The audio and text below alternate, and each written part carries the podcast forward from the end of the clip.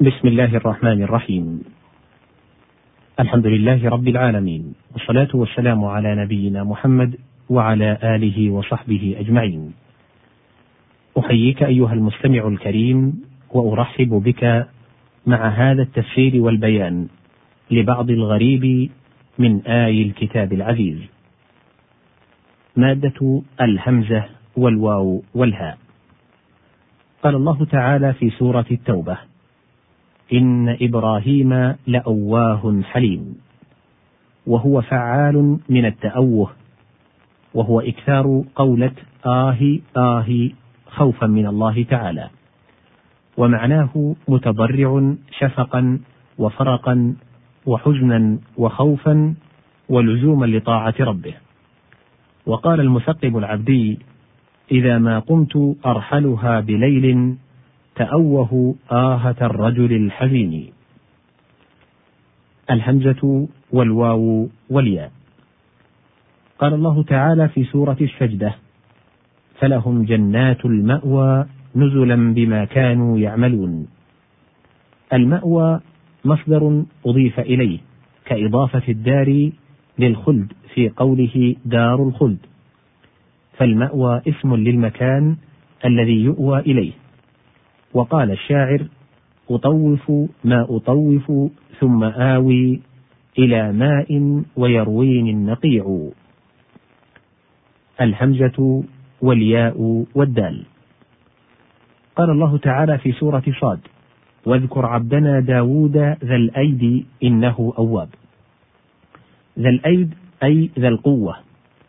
وبعض العرب تقول آدى. قال العجاج ما إن تبدلت بآدي آدى وفي مسائل نافع بن الأزرق لابن عباس رضي الله عنه قال أخبرني عن قوله تعالى يؤيد بنصره من يشاء. قال يقوي. قال وهل تعرف العرب ذلك؟ قال نعم. أما سمعت قول حسان بن ثابت برجال لستم أمثالهم. أيدوا جبريل نصرا فنزل. الهمزة والياء والكاف. قال الله تعالى في سورة الحجر وإن كان أصحاب الأيكة لظالمين. كان أبو عمرو بن العلاء يقول أصحاب الأيكة الحرجة من النبع والسدر وهو الملتف. قال رجل من عبد القيس وبعضهم يعزوه إلى عنترة أفمن بكاء حمامة في أيكة يرفض دمعك فوق ظهر المحمل. الهمزة والياء والميم. قال الله تعالى في سورة النور وأنكحوا الأيام منكم والصالحين من عبادكم وإمائكم. الأيام من الرجال والنساء الذين لا أزواج لهم ولهن. ويقال رجل أيم وامرأة أيمة وأيم أيضا. قال الشاعر فإن تنكحي أنكح وإن تتأيمي وإن كنت أفتى منكم أتأيم. قال الحربي الأيم التي مات زوجها أو طلقها. ومنه الحديث تأيمت حفصة من خنيس قال والبكر التي لا زوج لها أيم. ومنه الحديث تطول أيمة إحداكن فهذا في البكر خاصة. قال والرجل إذا لم تكن له امرأة أيم أيضا. وقال أبو عبيدة رجل أيم وامرأة أيم. وإنما قيل للمرأة أيم ولم يقل أيمة لأن أكثر ما يكون ذلك في النساء فهو كالمستعار للرجال. ويقال أيم بين الأيمة ويقال الغزو مأيمة. أي يقتل فيه الرجال فتصير نساؤهم أياما. وقد آمت وإمت أنا. قال الشاعر لقد إمت حتى لامني كل صاحب رجاء لسلمى أن تئيم كما إمت. الهمزة والياء والنون. قال الله تعالى في سورة الأعراف يسألونك عن الساعة أيان مرساها؟ أي متى؟ وقال الشاعر أيان تقضي حاجتي أيانا؟ أما ترى لنجحها إبانا؟ أي متى خروجها؟ الباء والهمزة والسين.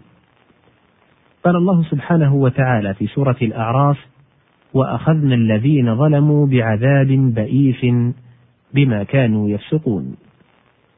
بعذاب بئيس أي شديد. قال ذو الإصبع العدواني. أأن رأيت بني أبيك مجمحين إليك شوسا. حنقا علي وما ترى لي فيهم أثرا بئيسا. ذو الإصبع العدواني أحد الحكماء الشعراء. والشوس رفع الرأس تكبرا.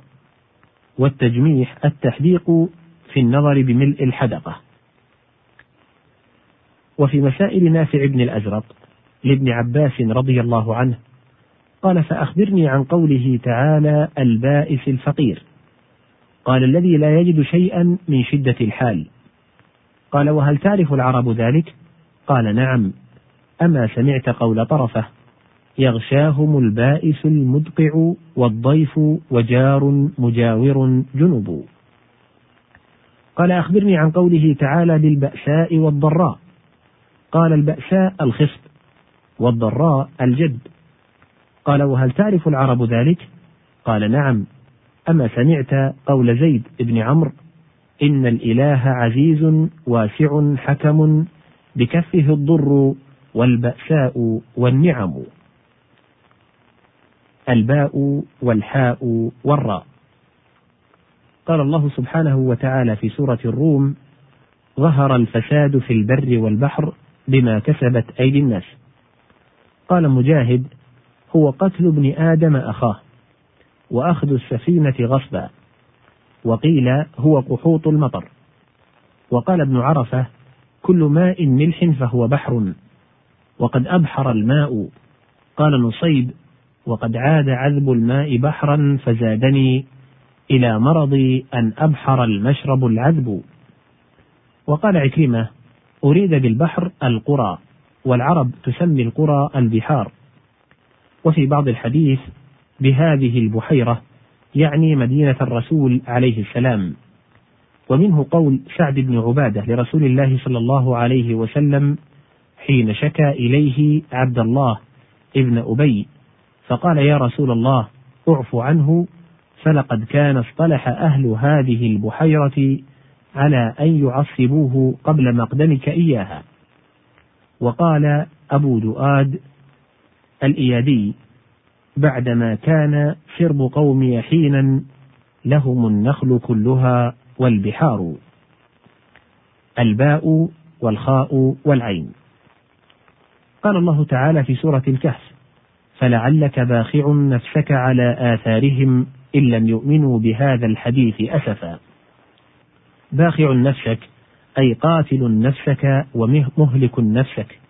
قال ذو الرمة ألا أيها الباخع الوجد نفسه لشيء نحته عن يديه المقادر؟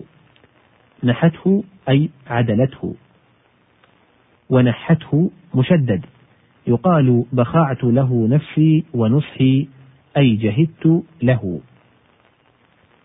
وقوله تعالى فلعلك باخع نفسك حث على ترك التأسف نحو وذلك نحو فلا تذهب نفسك عليهم حسرات.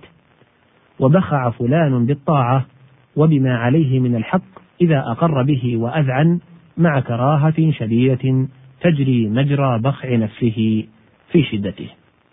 إلى هنا نقف في هذه الحلقة.